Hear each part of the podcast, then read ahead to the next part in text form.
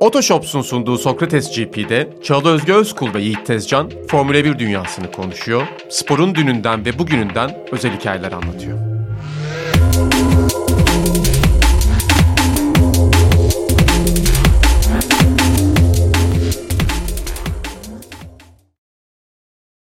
Sokrates GP'nin yeni bölümüne hoş geldiniz. Otoshops Nakit'in katkılarıyla sizlerle birlikteyiz. Yiğit Tezcan'la beraber biraz Avusturya'da neler olduğunu ama biraz konuşacağız. Onun dışında yarışın dışında Formula 1 ekseninde olup bitenleri, dönüp dolaşanları, yaşananları, tartışmaları, aşk hayatlarını, Formula 1 yarışlarının sürücülerin onları da konuşacağız. Bu böyle bir program biliyorsunuz. Merhaba Yiğit. Merhaba ben Günter Steiner'i hiç sevmiyorum diyerek programı içimde Bu dürüst başlangıcın beni büyüledi. Kötü bir takım patronu bence o yüzden e, saygılar diyorum. Devam edebiliriz. Duygumu anlatayım.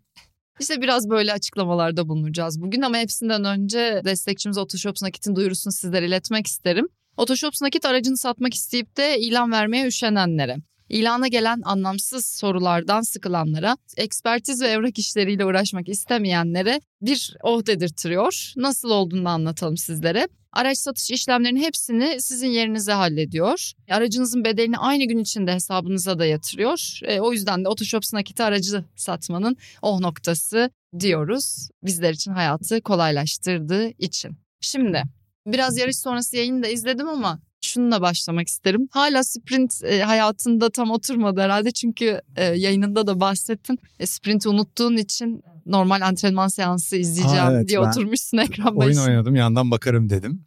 Practice 2'ye bir baktım. Sıralama falan bulmaya başladı yani. Oturmadı tabii ki hayatıma. Yani şaka bir yana tabii ki biliyordum da son dakikada aa sprint varmış dedim. Sprint yarışı fena değil de heyecanlıydı ama takvimi çok sıkıştırıyor ve hafta Evet. sonunun esprisini daha da öldürüyor. Biraz da cazibesi hep söylüyoruz. Bu otomobillerin limitli kısıtlı günlerde kısıtlı tur sayısında yarışması özlemeliyiz yani. Bu Yani Çünkü ne kadar ulaşılmaz Futbol gibi devamlılığını kurabileceğimiz oluyor. bir şey değil. Lojistik olarak zaten mümkün değil. Spor bu yüzden böyle evrildi. Ee, Daha dramatik. Belki de daha az müsabaka var. 24 yarışa çıktı ama daha az şey var. Çekişme bir de koptu mu Formula 1'de? Futbol gibi de kopmuyor. Yani bunun muadili herhalde şey. yani Süper Lig'de bir takımın devre arasında 15 puan öne geçmesi, 20 puan öne böyle bir şey olmuyor. Yani ne olursa olsun yarış bir süre sürüyor. Basketbolda da playoff serisine kadar. kadar. evet bir takım favori de olsa iki takım final oynadığında birinin şansı. Ya Formula da 1'de böyle bir basketbolda lüksümüz yok. aslında şöyle de düşünülebilir. Her ne kadar sen e, normal sezon e, akarken iyi de gidiyor olsan sonra playoff'tan sonra o eşleşmeler bazen süreci Tabii ki değiştirebiliyor. final e, şeyi var. Brezilya'da da bu hastalık var. Aslında futbolunda playoff modeli ilk uygulamaya başlayan da orasıydı galiba. 90'larda falan filan öyle merakları vardı. O bir final maçı yapma isteği. Yani şampiyonluğu ve bizde de bir dönem olmuştu. Dört takım üstteki galiba kendi arasında lig gibi Süper oynuyordu. final 2012. 2011-12 sezonu. Yani o final duygusu güçlü tutmak için futbolda bile yapılabiliyor. Belki Formula Süper 1'de. final olunca da hemen nasıl tarihle geldim Brezilya bilmiyorum doğrudur falan diye geçiştirir. Onlarda bir de çok fazla maç var. Çok enteresan onlar. Yok bilmem ne mahalli bir şeyi, bilmem ne ligi, bilmem ne şey. Çok enteresan bir e, kurulumu var onların. Yani Formula 1'de dediğim gibi e, heyecansızlığın müsebbibi zaten sporun doğası engel oluyor. Ben yine de ama suni bir şekilde rekabetin destekleneceği işte ağırlık ekleme falan gibi şeylerden bahsetmiştim. İnsanlar bölünüyor biraz şey yapıyorlar ama bunun gelmesi gerektiğini düşünüyorum ben spora. Niye şimdi düşünüyorum daha önceki dominasyonlarda düşünmedin diye soruyorlar bana hep. Hani Hamilton kazanırken iyiydi şimdi Verstappen kazanmasın. ha çünkü o zaman Formula 1 yorumlamıyordum yani. Düşün, düşünmedim Şu an daha bilemezsiniz. iyi düşünüyordun bir de. Ya üstüne düşünüyorum. Belki şu an daha bir fikir çok üretmeye çalışıyorum. Bir fikir üretmeye Ya da çalışıyorum. o gün onu tecrübe ettiğin için bugün tekrar benzer bir senaryo karşılaştığında aklına yeni bir fikir geliyor belki. şey gibi bir mantık e, çok yanlış. İnsanlığın önündeki en büyük düşman. Geçmişte böyle olmuştu. Şimdi de bu kazansıncılık bir tür böyle güç odaklı enteresan bir hayata bakma biçimi. Böyle bakamayız zaten hayata diyeyim ben. Hiçbir alanında. Evet, Hamilton kazandı Verstappen kazanmasın değil maksat. Bir şekilde e, Formula 1 bunu hep yapıyor zaten. Bir yakalama ketchup mekanik dediğimiz bir şey koyuyor. Bu senenin de bence gelecek seneki yönetmeliklere girerken o küçük görünen değişikliklerde Red Bull'u durdurmaya çalışacaklar yapmaları lazım. Güçlü neyse mesela tabanla ilgili bir şey getirebilirler. Yine Verstappen sürekli olarak Bir kazanarak karmaları lazım. sonuçlanabilir bu ama bu Verstappen'le ilgili olsun biraz daha da diyorsun. Çünkü öyle de demin, bir Evet demin pilot. dışarıda örnek vermiştim. Ne olacağı da belli olmaz yani. 2002'de Ferrari çok dominant bir otomobil yaptı. 2004'te de yaptı ama 2003'ü zor kazandı. Ve eski şasisiyle yarışıyordu. Bir sene önceki otomobille yarışıyordu McLaren. Çaylak Kimi Räikkönen vardı. Fransa'da yağda mağda kaydı. Kaymasa belki Räikkönen şampiyon olacaktı. Hani enteresan bir sezondu. O yüzden bir düşüş olmaz diye bir kayda yok. Ama Formula 1'in çok proaktif bir şekilde bunu, bunu dengelemesi lazım yani. Çünkü her ne kadar işte sprinti de koymaya çalışsan, hafta sonu renk de katmaya çalışsan insanlar rekabet için esasen bunu izliyorlar hala. Dolayısıyla onu arttırmak Ya elbette yönünde ki. hamleler yapacaklardır. Şöyle etik bir soru olabilir bence bütün sporlarda. Ne kadar fazla müdahale çok fazla müdahale. Yani hangi noktada birinin iyi yaptığı bir şeyi elinden alıyoruz. Ha, Verstappen kazanmasın ceza vermeci iyi bir şey değil yani. Onu demiyorum ben. Ama dediğim gibi eşitleyici şartlar olabilir. Benim aklıma ilk ilk gelen ağırlık oldu. Çok kullanılan bir şey motor sporlarında çünkü. işte turbo basıncı kısarlar o GT serilerinde şunda bunda. Hı hı. Orada da markalar yarışıyor. Yani yarışma demesinler orada da yarışıyor. Ama tabii orada yola çıkan otomobillerin yarış versiyonlarıyla yarışıyorlar. İşte onların bilmem belli bir sayıda satılması gerekiyor piste çıkması için. Onun da workaroundları var, şeyleri var ama senin yolda gördüğün bir otomobil bir GT otomobiline dönüşüyor. Formula 1'de bitmeyen bir inovasyon var. Sonsuz yani inovasyon fırsatı. Ama Formula 1 izleyicisine, Formula 1'e bir iş olarak, business olarak bakarsak bence izleyicinin çoğu zaten yapılan inovasyonu çok fazla anlamıyor. Anlayamıyor yani etkilerini. Tabanın etkisini, sidepod'un etkisini vesaire vesaire bunları anlamıyor difüzörü şunu bunu. O yüzden bence bir denge getirilmesi şart.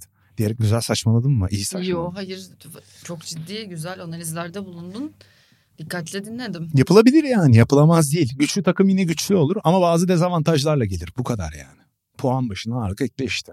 Yani bu matematikçi gerektirecek çünkü bir noktadan sonra ağırlık çıkarmamız gerekecek. Otomobiller 1100 kilo olunca daha da sıkıcı olacak şimdi kazanıp. Bir denge kurmak lazım ama yapılabilir yani. Peki sence bu hafta sonu özelinde soruyorum. Verstappen'i ayırarak tabii ki. Hı hı. Arkadaki e, keyif nasıldı? Yani yarış keyfi bence aslında yüksek Evet. bir hafta sonuydu. O yüzden merak ettim Evet, ne e, keyifsiz değildi, keyifli bir yarıştı.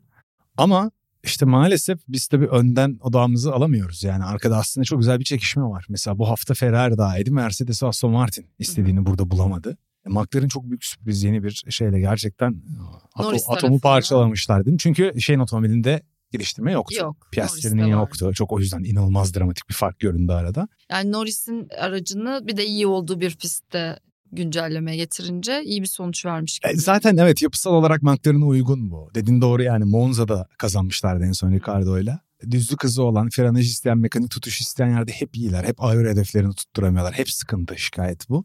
Biz buradan tekrar o lafı çarpacağım. İşte Dan Fedos'un şeye gelmesiyle ilgili. Aston'u ayağa kaldırdı demiştik. Buradan da Andreas Seidel gitti. Aha. Yeni bir yapıya kavuştular. Belki nedeni budur yani. Çünkü yerinde sayıyordu takım ve geri gidiyordu. Ve şu an bir anda gridde Ferrari'den sonra en iyi buradaki üçüncü otomobildi. Norris'in otomobili. Belki. Piastri'de de o upgrade olsa belki Piastri'de 5. bitirecekti yarışı yani. Hani 6. bitirecekti bilmiyoruz. E Silverstone'u görmek lazım çünkü orası İspanya'dan sonra Formula 1'in ikinci şey test pisti. Yani zamanında teste yapıldı orada çünkü. Hı hı. Daha belirleyici olacaktır yani bu hafta sonundan sonra. Ya ben de şöyle hissediyorum. Yarışa gittim biliyorsun. Evet, onu anlat diye Ee, ben.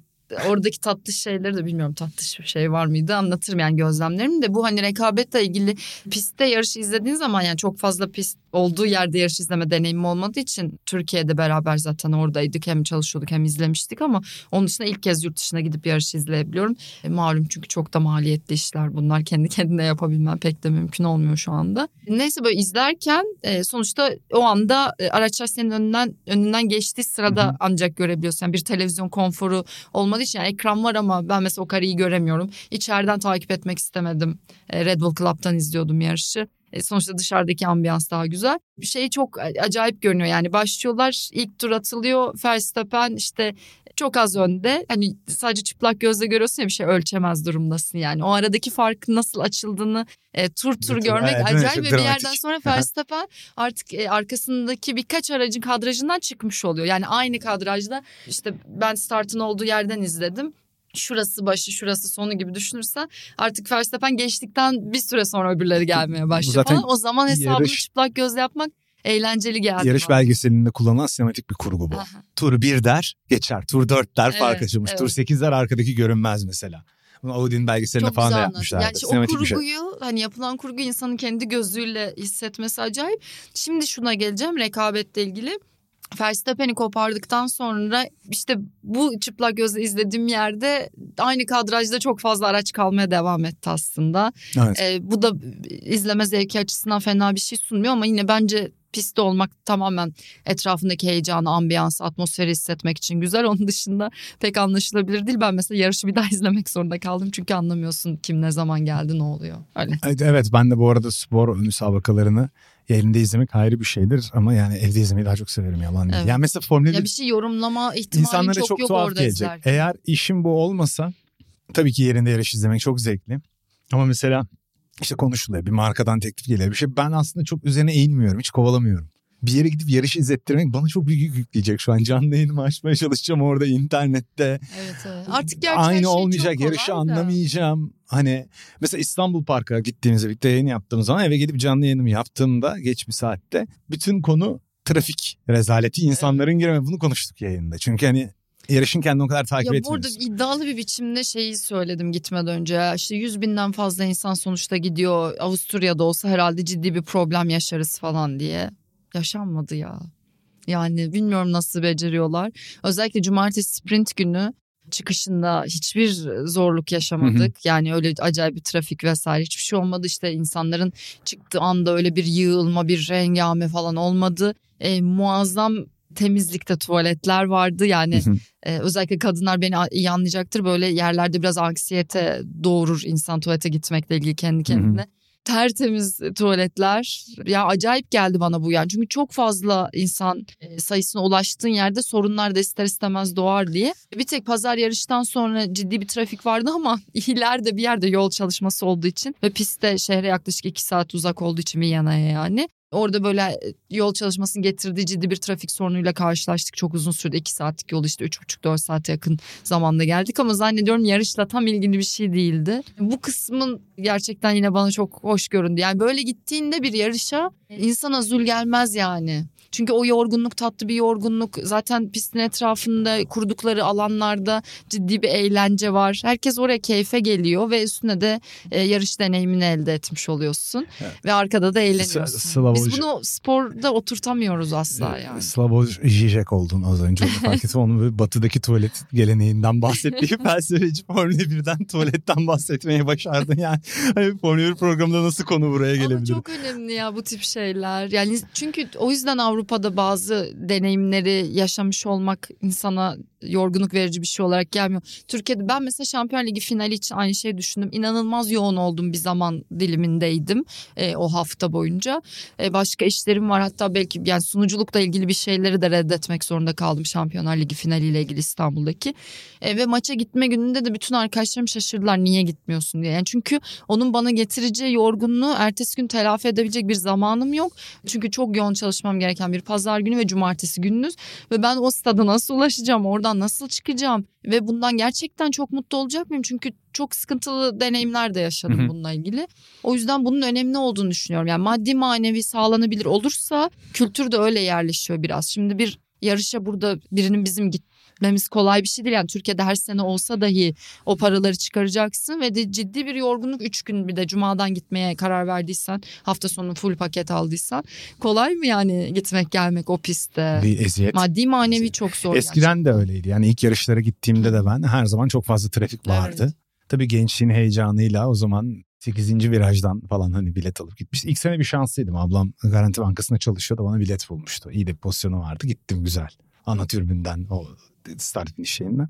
İkinci yarış ama şeyden gittim. Mesela 8. virajın oradaki türbünden gittim falan. Çok, çok trafik vardı hep. Çok Evet. eziyetliydi hatırlıyorum. ben. Ama bence beraber bir yarışa gitmeliyiz seninle. Yani gidelim hangisine gideceğiz? Seçelim. Ben ben bu Bir yarışa gitme olayı bana, hiç- bana, bana cazip hiç gelmiyor ya. Hayır orada yani son- yarış için değil zaten aslında. Çünkü dediğim gibi çok da iyi anlayamıyorsun ne olup bittiğini. Takip etmen gerekiyor aynı anda. Ama hani bir deneyim olarak hafta sonunu paket olarak görmek işte bence değerli. Zaten çok maliyetli şu an yani gitmemiz kolay olmaz da. Red Bull sağ olsun diyeyim ben. bir talihli izleyicimi götürmeyi tercih ederim öndermeyi. Ben benim işim Sen peki şey- hiç izledin mi bir yerde? Yurt dışında yarış? izlemedim yarışı. Bir, bir, bir ilgimi çok çekmedi benim hiçbir zaman. Çünkü ben hep o yarışı izleyip analiz etmek, ne olduğuna hakim olmak, yanında live timing ekranı açarak geçti ömrüm. Yani Evet, çok tuhaf. Doğru. Ya, Hani ya yorum yapmak duvarına açısından çok oturmak, zor. konuk olmak çok isterim bir takımın. O benim için bir deneyim olur. Sen garajda olsan Evet. güzel. Ha, Biri ağırlasa beni öyle bir şey oldu diyelim. Ama şu açıdan da O bir güzel. deneyim. Bizde de öyle olmuştu ya. Benim mesela işte aşkımı kabarttı diyeyim. Yani orada olup hissetmek onu. Hı hı. Sizin için özellikle hani daha da teknik yorumları yapabilen, verilere aşık insanlar için bence garajda bulunmak güzel. Yani yarıştan önce Hı de o esnada orada bulunamasan da öncesinde işte indiriyorlar, geziyor. Ben yine öyle yaptım. Türkiye'de de beraber yapmıştık. Güzel yani araçları gerçekten o kadar yakından görüp nasıl çalıştıklarını izlemek. O rutinlerine en azından Yo, yarış çok rutinlerine e, hakim heyecan olmak. verici bir şey işte yarış yayını yaptığımızda pit alanına çıktığımda falan hani bir cennete falan düşmüş Evet. gibiydim tabii ki yani çok yermiş Benzin kokusu falan tabii seni. ki evet evet şey hissediyorum ben de oraya şey hissediyorum rahat doğal geliyor bana Evet. güzel geliyor yani. Yani dediğim gibi yani gençken tabii çok e, şey yapardık. Formula 1 takım patronu olmayı isterdim mesela. Ama işte hayat zaman Seni geçince iki sezon önce Ferrari'ye yolladı. Değil mi? Ferrari'ye gidiyordum ben. Ferrari'ye gitsem aman beni Ferrari yollama ya. Ben çok mantıklı düz adamım abi. Herkesin aynı mantıkla bakmasını bekliyorum. Ferrari'de ben vallahi yaşlanırım yani. Ferrari'den kim Red Bull'a gitti ya yeni? Az önce böyle bir durduk bilgiler hakim olmam çünkü beyefendinin ismini unutmuştum. Angelo Rossetti'yi Ferrari'den Red Bull almış. Mercedes'in de almak istediği söyleniyordu. Özellikle de neye hakim olduğuna baktık o yüzden ufak bir durduk. Önemli bir Fluid Dynamics, akışkanlar dinamiği ve combustion içten yanmalı motorlar üzerine anladığım kadarıyla çalışıyor kendisi. Aslında bu Havalı. konuya bağlanıyor. konuya bağlanıyor. Red Bull'un özellikle ben çok altını araştırmadım izleyici kusura bakmasın. 2026'da gelecek yeni motor regülasyonlarıyla işte Ford'la bir ortaklıkları var. Batarya sağlayacak ve parayı verecek aslında Ford. Böyle bir ortaklık yani. Ford motoru olacak ama Red Bull yapacak. Red Bull'un bazı kaygıları var anlaşılan o ki motor yapmakla ilgili. E, genelde uzun süre aralardan sonra çok fazla know-how olmadan girersen bu işe yaptığı motorlar çok iyi olmaz. Böyle bir şey var. Mesela Renault Alonso ile şampiyon olduğunda 2001 yılında ki ilk motoru Benetton'a verdi. Korkunç kötü bir motordu. Yani takım Minardi ile birlikte gridin en arkasındaydı. Minardi ile aynı hızdaydı sene başında. Honda'nın GP2 zaten Alonso'nun bağlandığı her şeyde bir motor sıkıntısı var. Onun Renault motorları iyiydi ama daha sonra işte Honda motorlarında benzer bir sıkıntı var. Yani hiç bilmediği bir yere giriyor olabilir. Tabii ki Honda motorlarını devraldılar. Motor üstünde çalışıyor bir deneyimi var Red Bull'un. Ama yine de e, bu konuda endişeliler gibi görünüyor. E, bu transfer o yüzden çok anlaşılır bir transfer olabilir. Yani çünkü nasıl diyeyim büyük balıkların arasına giriyorlar. Mercedes, Ferrari motorlarında kendi yaptığı için onların organizasyonları birazcık daha karışık. Red Bull da onlardan birisi oluyor. Kolay oraya değil. yani. kuvvetli girmek istiyor haliyle de. Ya evet. Olabildiğince. Evet. Biraz yarışa dönelim istersen. Zaten hafta sonu genel Mükemmel bir açısından yarıştı. Çok iyiydi. Mükemmel bir atlayış. Arabalar turladılar. Yani bir Sainz Leclerc gerginliği vardı. Aslında o bir konu olabilir bence yarışla ilgili. En... Nasıl e, değerlendiriyorsun karşılaştırırsan ikisinin performansını? Bence- yani Sainz'i podyumda görmek İ- Leclerc'i İkinci gördük ama genel bir tık bakarsın. daha hızlıydı Leclerc. Yarışın başında Sainz daha hızlıydı ama Emir Tanrıkar bu konuda çok ısrar etti. Bir e, 0-2-0-3 yavaş olduğun bir otomobilin DRS sayesinde peşinde kalabiliyorsun. Yani bir saniyelik dilimin içinde olduğu için. O yüzden Ferrari bu kararı alıp hemen Sainz'i geçirmemiş olabilir dedi. Veya yarışın başına Leclerc başka bir stratejinin peşindeydi. Lastik ömrünü uzatmaya Hı. çalışıyordu. Belki şey yapmaya çalışıyordu. Bir an için heyecanlandık Red Bull'a yetişebileceklerini. Çok enteresan. E, yer vermemeyle ilgili şunu söyleyeyim ben. Yani normal yani o anda onun şeyin paylaşılamaması. Hani e, Sainz öne geçsen belki Leclerc onun DRS şeyinde Hı hı. kalacak. Daha- O kadar hızlı verilemiyor o kararlar Formula 1'de. İzleyici çok şaşırmasın. Hani alenen bütün yarışı arkasında tutar 10 tur olur 15 tur olur apayrı konu. Zaten SC girince Ferrari yine saçmalayıp Sainz'a epey bir yer kaybettirdi. İşte double stack üst üste pitte girmek zorunda kalır. Orada yavaşladı biraz. Bir de 4,5 saniye pit stop yaptı iki otomobil. Yani bu yarıştan da bir şey çıkarmayı başardı. Ben onu e, dört buçukluk olanı yukarıdan slow motion'a çektim. Yani normal çekseydim de slow motion'a bir de slow motion çektiğim için 25 saniye falan sürüyor videoyu izlemek. Çok üzgünüm. Yani mekaniker kadrosu içinde otomobili işte gece toplayan da aynı adam. Mesela Sainz veya Leclerc örnek veriyorum vurdu otomobili çarptı abi. Gece toplayan da adam aynı adam. O aynı adam bazen pit alanında da şeyde de görevli oluyor. Aslına bakarsan takımdaki en kritik pozisyonlardan birisi Evet. mekanikerdik yani. Ama işte yani de- dediğim gibi baştan sona sorunu bir organizasyondan biz bahsettiğimiz için maalesef burada da bazı hatalar yapıyorlar. Peki böyle e, sence Silverstone'da iyi geçirirlerse biraz böyle hani artık Ferrari ikinciliğe galiba oynayacak e, Ya- hissini daha çok alacak mısın? Şimdi şöyle ben Verstappen'in çok limitli bir yerden sonra yine gitmediğini düşünüyorum bu yarışta. İşte 25 27 28 saniyelik bir fark vardı galiba. Kusura bakmasınlar yanlış söylediysem. Pit yaptı en hızlı turu attı sonunda. E, İkinci kısımda Leclerc'in temposu Sainz'den iyiydi dedik. Genel analiz Leclerc'in 0.3 gerisinde falan olduğu şeklinde ama ben real farkın daha fazla olabileceğini düşünüyorum. 0.5 yarım saniye Hmm. ve çok iyi bir start aldı fark ettiysen. O stint dediğimiz hani bir lastiklik pit yapmadığın aralık stint. O kısım uzadıkça Red Bull daha da farkı açmaya başlıyor. Rakibiyle gibi bir görüntü var bence. Yani Red Bull'un aşırı verimli olmasını beklediğimiz bir pist. Silverstone hani İspanya'dakine benzer bir performans verebileceğini düşündüğümüz bir yer. Evet, aradan Ferrari sıyrılıyor gibi göründü. Çünkü neden? Bir önceki yarışta da lastik ömrü konusunda bir aşama Evet. kaydettiler. Yapabiliyorlar yani ve bu yarışta da çok net ikinci otomobillerdi en hızlı. Yani cumartesi ile pazarı çok farklı geçiriyorlardı. En azından orada da yakın görünmüş oldu. oldu. Evet yani sprint yarışında gerideydi Lökler. Sonra Sainz'da yani çok iyi bir yarış, çok iyi bir sprint yarışı çıkmadı ortaya ama tabii yağmur vardı yani. Bu aslında Şartlar Şartlar bambaşka. Biraz hani sıralama ve normal yarış temposu arasındaki fark için. Evet. Yani sprint yarışı ölçü alınmamalı. İkinci otomobil gibi görünmeye başladılar ama Silverstone çok güzel dediğim gibi test pisti gibi olduğu için çok fazla hızlı viraj var. Çok aero istiyor. Yön değiştirmeler var. İlk sektör full öyle. Bence tam olarak McLaren falan da ne yaptı orada göreceğiz. Orası sezonun kalanına doğru bizim için bir işaret olup yönlendirecek ama Red Bull'un bazen görürüz dominasyon olan veya bir takımın önüne fırladığı sezonlarda. Takım bir konsepti çok iyi anlamıştır. Sezon başında öne geçer ama o fark azalır diğer takımlar uyanınca. Takımlar hala yanıtsız kalmaya birçok konuda devam ederken Red Bull performansını otomobilin üstüne ekliyor. Mesela Ferrari geçen seneki yönetmelikten sonra lastik aşamasını çözemiyor. Mercedes çok uzun süre dalgalanmayı çözemedi ve bütün konseptini şimdi çöpe attı. Evet. Haas lastik aşamasını çözemiyor. McLaren aero hedeflerini tutturamıyor. Herkes çok geride. Aston Martin hariç yani bu sene övebileceğimiz bir takım Alfa Tauri'yi övemezsin. Haas'ı övemezsin. Williams olabilir. Yani o, o gedikli bir şekilde geride kalmadıkları dönemin ardından yani McLaren'ı böyle şöyle övebilirim ama çok kötüler yani sene başında. Çok kötülerdi. Yani beklentilerin çok altındaydı. Aslına bakarsan ileri doğru giden takım yok. Çok saçma değil mi? 5 takım geri gidiyorsa 5'i ileri gitmeli. Her takımın çözemediği kalıtsal bir sorunu var gibi otomobilleriyle. Aston Martin doğru yolda bir de şey Williams doğru yolda Red Bull'la birlikte. 3 takım var aslında iyi diyebileceğim. O yüzden aslında iyi işaret verenlerin biraz daha onu sürdürülebilir kılması lazım ki iyiye gidiyor denebilsin. Evet evet hala potansiyel Antep potential der ya ortaya çıkmamış potansiyeli hala Red Bull açıyor. Önde olan o zaten onun açmaması lazım. Arkadakilerin bir şey keşfetmesi lazım otomobilleriyle ilgili. Ama öyle olmuyor. Maalesef çok büyük bir üstünlüğü kurdular bu çağda ya. o yüzden de baygınlık geçireceksin. Ben evet fenalık ya E tam başka şeylerden konuşalım biraz da hayat mesela. Hamilton'ın Shakira ile olan şeyinden konuşalım. ya orada da bir gelişme olmuyor ya. Lökler'in sevgilisi var galiba. Ne Lökler'in sevgisi mi var? Bir- Aa, hiç ben öyle bir şey gördüm olmadı. sanki ben. Görüntülendiği birisi var. Bizde neden sorulma? ben e, bir kere Sokrates Mood e, programında bana şey öğretilmişti manifestleme. Ben hiçbir şey manifestlememişim galiba hayatımda ya da demek manifestlemek olduğunu bilmiyorum. Yani işte hani bir şey böyle sesleniyorsun ve olsun diye. ne? Modern dua. Hani modern dua çok iyi secret gibi kitap. ya böyle işte diyorsun ki bu diyorsun olacak diyorsun falan işte olsun diyorsun evren onu son geliyor. Dur, öyle bir kelime şeye girmiş mi? Manifestlemek. Neyse bana öğretildi bu geçenlerde. Verstappen çok güzel manifestlemiş Bak o zaman. çekim ve inanç yoluyla yaşam devam edemeyeceğim. Devam etsene devam.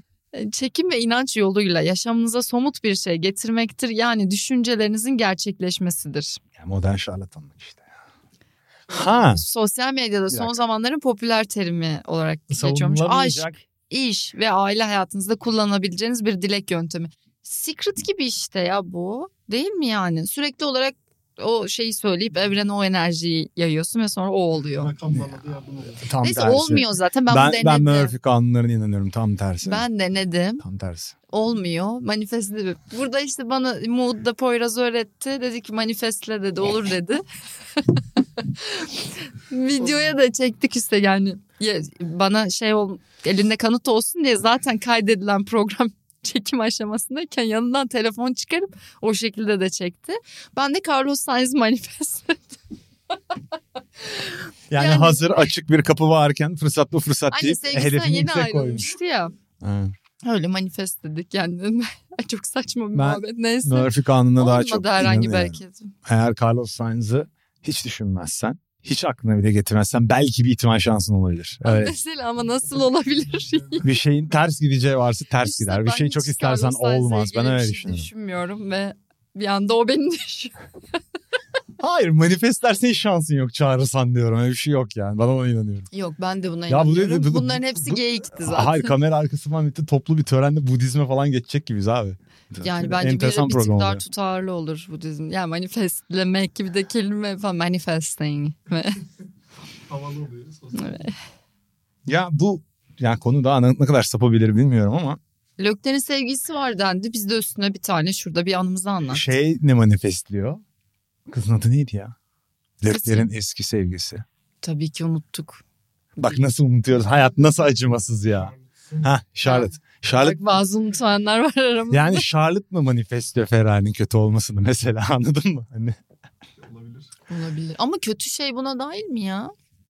Şimdi demin bir kestik. Hani saçma bir şey konuşuyoruz deyince kinayeyle dedim onu. Sen şey yapmışsın sıkıldın zannetmişsin. Ha, ben taş atıyordum. Üzülmüştüm sıkıldın diye. Yok. Şu an çok mutluyum. Taş atıyordum ben. Çok iyi konu bence. Dediğim gibi ben Murphy kanunlarına ve bitmek bilmeyen depresyonlara falan inandığım için hiç öyle çiçekler böcekler manifestlemişim Bu arada istemişim falan bana kesinlikle gelmez. katılıyorum. Gel ben de seninle aynı hayat görüşüne sahip olduğum için dışarıdan arkadaşlarım beni diğer tarafa zorla çekmeye çalışıyor. Yani sen çok negatif düşünüyorsun. İşte böyle düşün şey olmazsa onlara çok daha öyle baktığım için aşırı realist baktığım için biraz da öyle yapma düşünceni iyi tut öyle olursa enerjin öyle yayılır. Sen şimdi böyle düşününce enerjin çok kötü falan Abi Jedi diyorlar. miyiz biz? Hangi enerji? Ya bu, bu, bu enerji olayı Jedi inanılmaz bir ya. şarlatanlık. Jedi miyiz? Force mu var abi aramızda? Ya nasıl bir enerjili bir Ya şey ben bir enerji şeyine inanıyorum ama mesela şöyle bir enerjiye inanıyorum. O gün sen tatsızsındır. Hepimizin tadı kaçar gibi bir enerjiye Ya o ayrı bir inanıyorum. şey. Yani O gerçekten enerjiye Evet. inanıyorum. Ya bir insan bir insanı düşürebilir o ayrı bir şey. Ama beni nasıl diyeyim manifest etmek nedir yani? Ya bence manifestin bak şöyle bir olaydan çıktı bu konu.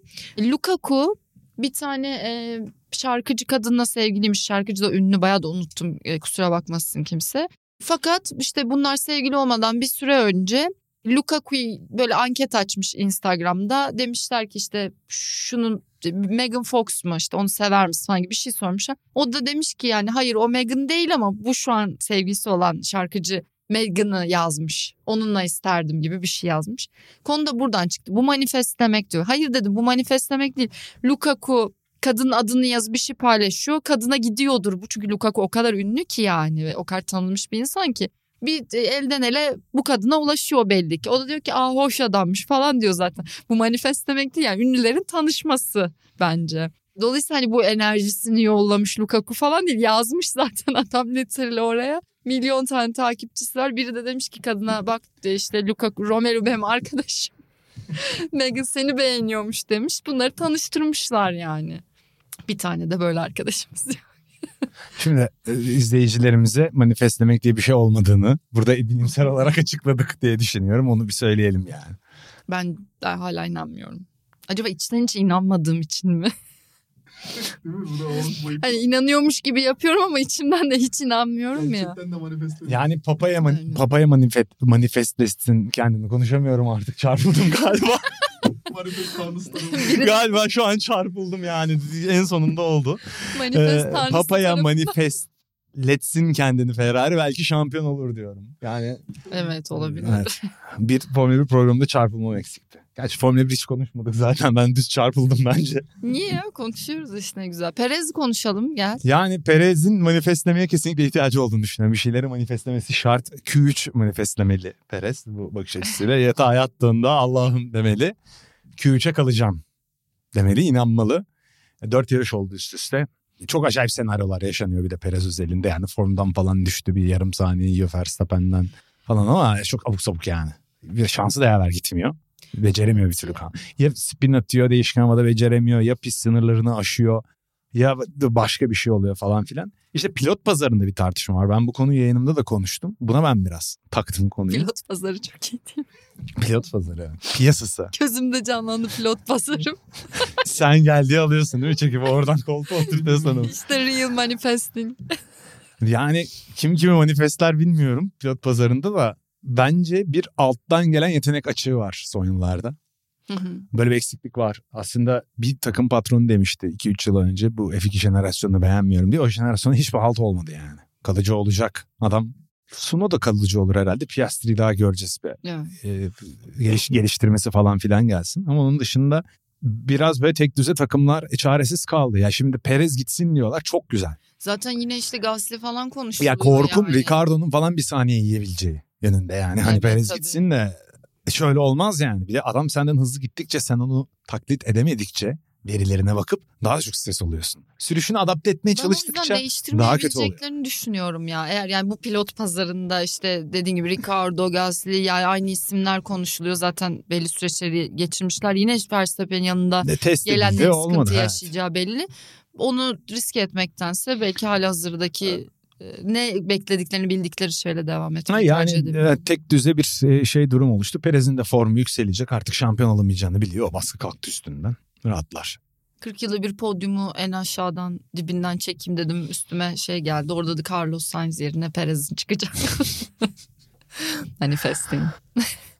Yani işte dediğim gibi ne manifestisi olmayacak gibi duruyor zaten Perez. Bence Red Bull onun yerine birini bulmaz. Pilot pazarına baktığımda ben Mercedes'in, Ferrari'nin yani Norris'i koparmadıkça şu an sen Hı hı. kalan herkesin yeri çok sağlam görünüyor benim gözümde. Alonso, Aston Martin zaten Ferrari ile denediği yaşı ileri vesaire o orada.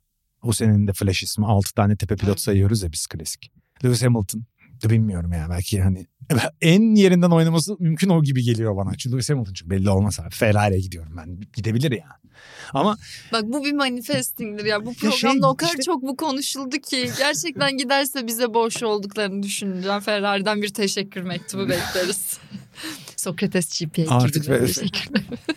Vallahi Hamilton daha da mı sıkılır Ferrari'ye giderse ne olur bilmiyorum ama işte dandik tarafı şu işin pilot piyasası anlamında da heyecan veren bir değişiklik olabilecek bir şey de yok yani Evet. bu sezonda. Yok yani şey dedikodu da ah, Hülkenberg öneriyor insanlar canlı yayında Çağıl. Yani iyi performans veriyor çünkü adam. Sezonun flash ismi de yani adam bitmiş. Force India'da yarışmış. Renault'da Ricardo'ya kaybettiği için Formula 1 kariyeri bitmiş. Ara vermiş geri dönmüş hasta yarışıyor yani kaç 30 35 yaşında adam yani ne işi var Red Bull'da Ferrari'de ya o takımlar istemez bu adamı ya. Öyle de bir şeye girmiş durumda Formula 1. Öyle bir tıkanmaya girdi. Böyle Kendi durduk dönüyor her şey. 2026'yı bekliyoruz gibi bir görüntü var şu an. Abi çok var o tarih. Ben gerçekten çok ivedi bir şekilde ama lazım. performansın nereden geldiğini anlayıp bir şekilde yönetmelik değişip oyunu eşitlemeye çalışmalı. Efe'ye onların da işi zor. Hani nereden geldiğini tam olarak anlayıp performansın Red Bull'un olabildiğince çözemeyeceği bir şekilde gridin kalan ona yetişsin diye bir yönetmelik değişikliğine gitmesi lazım. Bunda tarihsel olarak da çok iyi değiller. Bazen tutuyor bazen tutmuyor. Fakat bu bahsettiğin işte e, alttan pilotta görünmüyor kısmı bambaşka bir konu değil mi? Yani Denk geldi jenerasyonlar Evet, işi. Yani kötü şeyi. draft olması gibi bir şey iki sene üst üste. O, o, o hesap bir şey yani.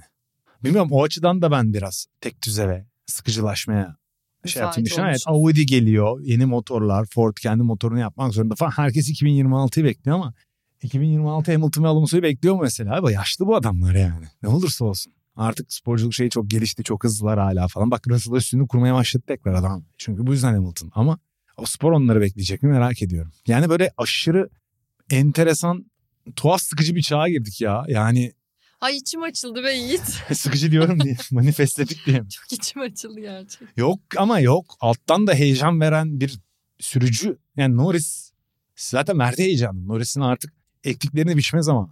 Yani iyi bir Nasıl gitmesi lazım. Şikayet edip duruyor pist sınırları için herkes. Ha evet. Pist sınırları da. Ne düşünüyorsun? Çözümü ne olabilir ya da olmalı mı? Şimdi e, Avusturya'da özellikle son virajda limiti aşırı zorlamanın çok büyük bir katkısı var. Hani otomobili hızlı bir şekilde düzlüğe taşımanın çok büyük, minimal yani 10 santim dışarıda kalmanın büyük katkısı var. Eh, öyle olunca da milimetrik iş yapmaya çalışınca da pilotlar özellikle o virajda, 10. virajda çok fazla sıkıntı oluyor. 10. viraja girerken Apex'te. Biz bunu sevgili Mali Selaşık'la da konuştuk. Modern pistlerin probleminin o da track day oluyor ya sen gidiyorsun arabanla çıkıyorsun ve kaçış alanları üzerine kurulu. Eskiden mesela kısacık bir kerb olurdu. Çakıl olurdu. Sen oraya kaptırdı otomobil geçmiş olsun. Spin atıyorsun. Dönüyorsun. Böyle şeyler yok artık. Daha da çok zorlayabiliyorsun birçok yerde. Kerpler geniş uzun falan filan. E bu da tabii o günlerde zengin birinin Porsche'sinin karteri delinmesin çakıl taşlarından. Niye kaçış alanı yapıyor herif otomobili kontrol edemeyip gittiğinde bir yere mesela. Büyük kerpler koyuyor falan filan. Yani bu değişebilir pistlerde. Ama öyle bir min maxing diye bir laf var ya minimumdan maksimum Hı. alma simülasyonlar şunlar bunlar bu tip konularda simülasyonda da pist sınırları iRacing var ya meşhur şu Verstappen'ın orada çok büyük tartışma konusudur. En büyük tartışılan şey odur. İşte Daytona'da bir yerde bir pist sınırını yanlış yapmışlar. Bir takım bunu abuse etmiş sıralama turlarında. Bilmem ya onunla uğraştık işte. Şu kadar olan diskalifiye edilsin edilmesin. Bütün yarış o sınırı kullandılar kullanmadılar. Simülasyonda da olan bir tartışma bu. Her yerinde olan bir tartışma. E sensörler deniyor, çizgi deniyor. Yapmasınlar yani. yani aslında çok basit bir şey yanıtı var yapmasın pist sınırı. Yani nasıl Hamilton cezayı aldıktan sonra duruldu. Evet. E diğerlerine yağdı sonra yarışı yapmasınlar abi. Yani yapmayınca Serhan abi bir ara şey dedi ya çok konuştuğum için bana da ceza gelecek galiba diye. Ha, yapmasınlar yani tek açıklaması bu. Eğer şartlar buysa pilotlar yapmayacak ve ceza alacak. Bu şey bir konu yani. Şey de tat, çok tatsız oluyor. Bu oluyor tabii başka sebeplerle de oluyor da işte grid açıklanıyor bitti. Yani gidiyorsun iki saat sonra bambaşka bir şey geliyor karşına yani. Ceza üstüne ceza yağmış. Ya evet dediğim gibi bunun tek yolu eskiden bu tartışmalar daha azdı. Pist sınırı vesaire konusunda. Çünkü e, pist bittiği anda çim başlardı ya da çakıl ve kum havuzu dediğimiz alan başlardı. E şimdi böyle olunca tabii hep kaçış alanları şunlar bunlar olunca pistte pilotlar daha çok zorluyor şartları. Son ana kadar suistimal Yani dediğim gibi işte simülasyonda çalışır bu min max dediğimiz o artık şimdi eski yarış pilotlarını izlesinler bu bir konu açtı. E, daha az limitte gittiklerini görürler. Biz onları hep cesaretleriyle şey yapıyoruz ama mesela daha yumuşak yarıştıklarını görürler. Çünkü yanı Hmm. başlarında bence arkadaşları öldüğü için. Mesela içeride bir atak yapıyorsa içeriden arkadan içeri girecekse o kadar şiddetli yön değiştirmeler görmezsin. Belki seninle Prost arasındaki o Senna'nın meşhur Portekiz'de sanırım Prost'u duvar ettiği bir an vardır. Ondan sonra bütün o yaygara koptu. ikisi birlikte şey yapmaya başladılar. O kadar sert temaslı yarışılmıyordu. Biri geçti mi geçiyordu. İşte Piquet'in daha önceden bir hareket çektiği an vardır Senna'ya bilinip. Ya Senna'nın karakteri çok o yarışma şeyini bence Evet. arttırdı yani. 70'lerden yarışları izlesinler adamlar geçiyor birbirlerini. Hani daha farklı. E bugün e can kayıpları daha uzak bir hatıra pilotlara. E daha güvenli her şey daha sert yarışıyorlar. Bunun da bir uzantısı olduğunu düşünüyorum. Pist sınırları şeyde. Yani bugün pilotlar doğal evrimi gereği sporun daha limitteler. O yüzden hep olacak bir tartışma. Geçmesinler. Görüyor yani çizgiyi ayarla geçme. Yapmayabiliyor çünkü isterse. Ya tabii Verstappen hiç sorun yaşamadı yani. Ve o zaten tek başına ya. İhtiyacı da. Yine road trip'teydi. Biz öyle demiştik. Zorla şey yapıyor. Zorla pit yapıyor herif. Road trip listesi yapacaktık. Playlist unuttuk. Ya Verstappen Beatles falan dinliyordur. Şu an geldi bu. Vahiy geldi. Neyse. Pizzas mı dinliyordur?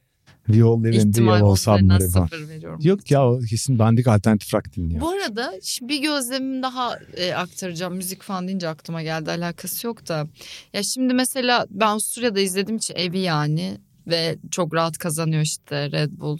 iki pilotuyla podyumda Verstappen zaten en hızlı tur o bu şu her şeyi toplamış falan. Yine de yani kazanan için dahi bir coşku yoktu yani öyle söyleyeyim. Geçen sene televizyondan gördüğüm şeylerde sonra sosyal medyaya düşen şeylerde daha fazla coşku görmüştüm. Bence artık bu kadar net kazanma şeyi kazananla bile yani onun taraftarına dahi böyle bir durgunluk ve hani o alıştık artık kazanma hissi vermiş. Sana bir soru. Spor nedir Çağıl? Nedir yani? Ne amaçla yapılıyor spor? Bir beceri, kabiliyet gösterip fiziksel beceri ve sporun içinde ya topla beceri ya otomobil sürmede bir kabiliyet gösteriyorsun. iki taraflı. Ve bunu birilerinin eğlencesi için yapıyorsun. Sözlükteki açıklaması budur sporun yani. Genellemesi. Entertainment Ben amacıyla bir yapılır. kere bakmıştım. Evet buna da. eğlence amaçlı. Eğlence amaçlı yapılan bir şeydir. E, eğlence kalmazsa çekişme olmasa niye eğlensin insanlar? Tabii. Yani kazanan ya rekabet etmeyince kazanmanın ne manası Bu bir şey var? bir mittir yani. Bu şeyde de çıktı. NBA playoff'ları mesela yapmaya başlamış. NFL gerçekten savaş ya bence bu arada.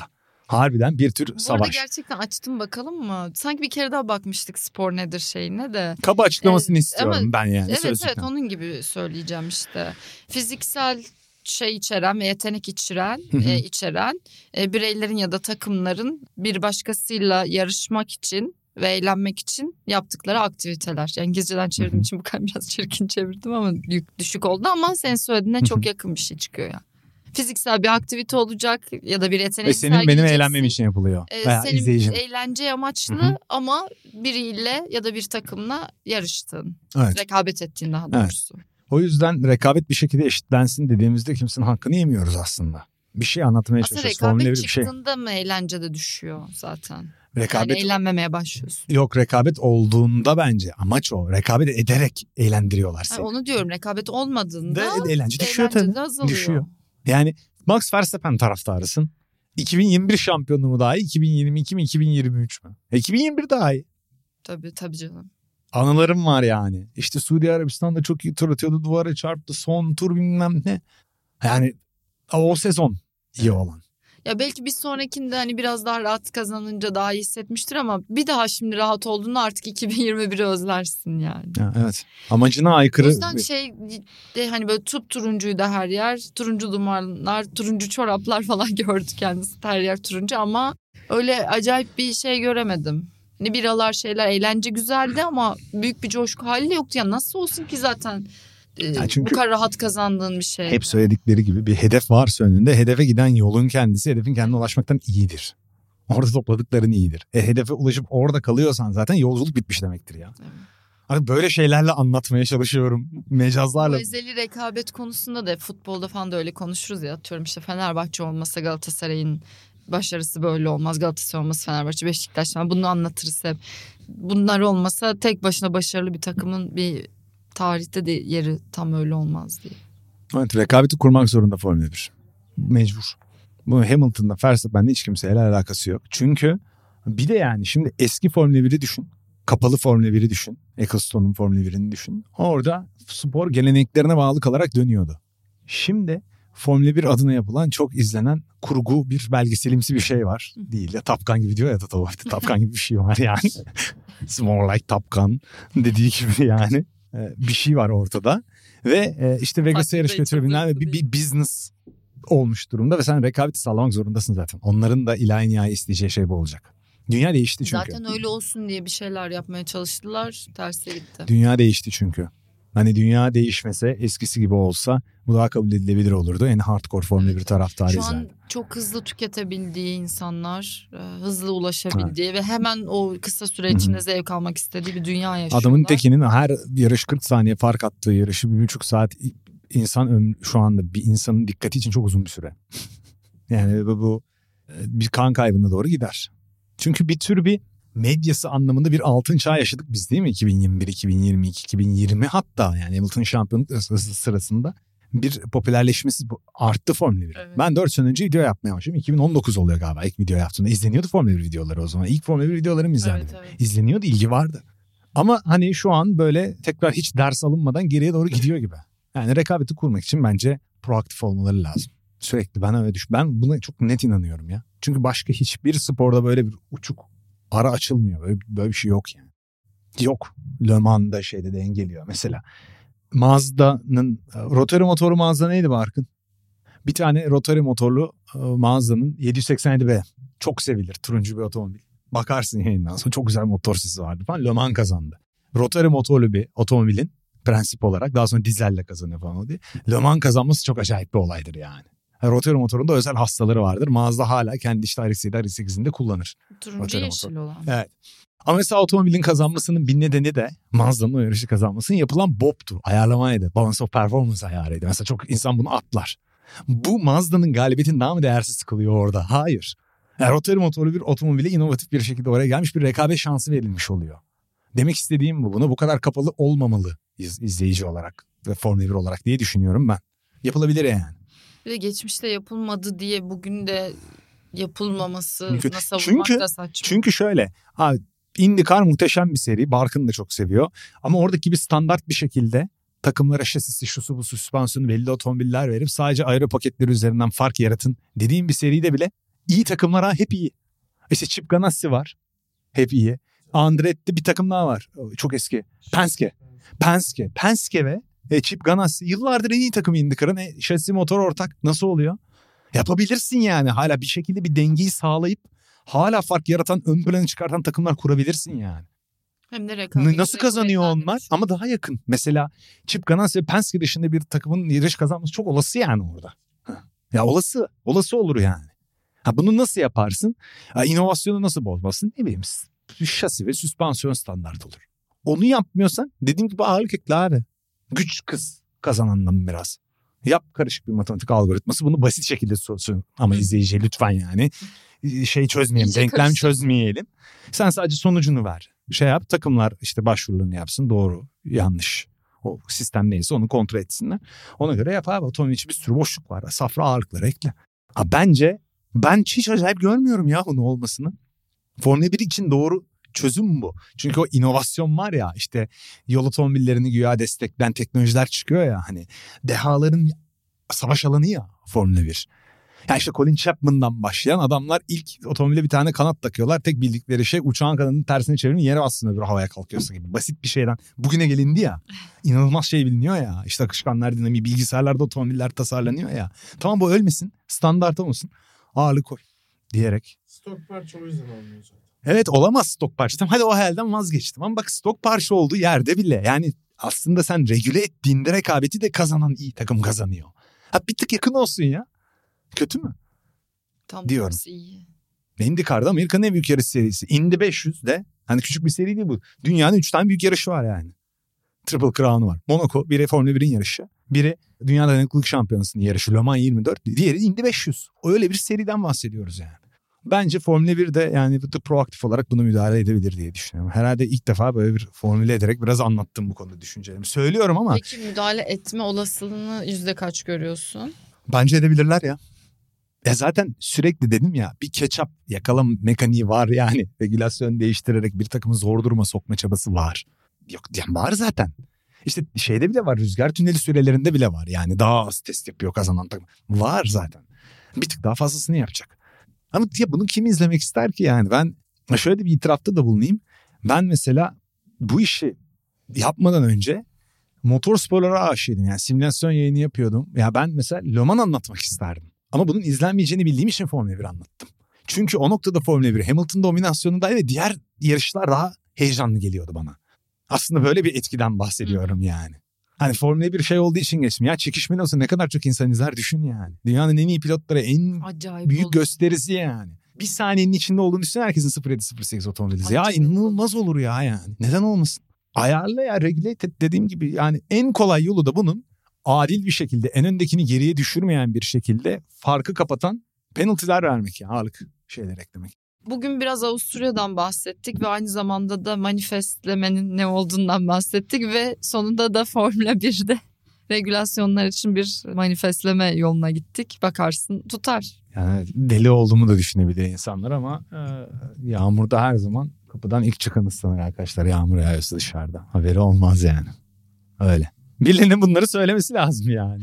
Öyle nasıl ya? Dünyanın en bilmem kaç milyar dolarlık bilmem ne sporunda rekabet yaratamıyorsun. Biri konuşacak. Üzgünüm. Doğru. Araç kötü ama sen sürüver Lewis Hamilton. Evet. Teşekkür Öyle ediyoruz. bir şey oldu bu hafta sonu. Sus ve sür dedi. Sus ve sür yeter artık dedim. Bıktı adam yani. O psikolojik şeyinden yoruldu adam yani. Kötü otomobil vermiş olmanın. Ama yani sen de artık aracı bir toparla. Geçen şey gibi arkadaşıma yani. onu diyorum işte.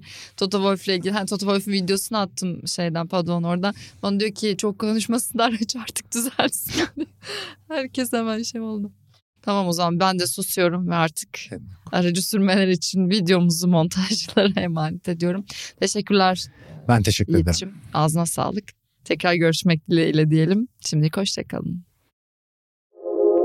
Otoshops Sokrates GP'yi sundu.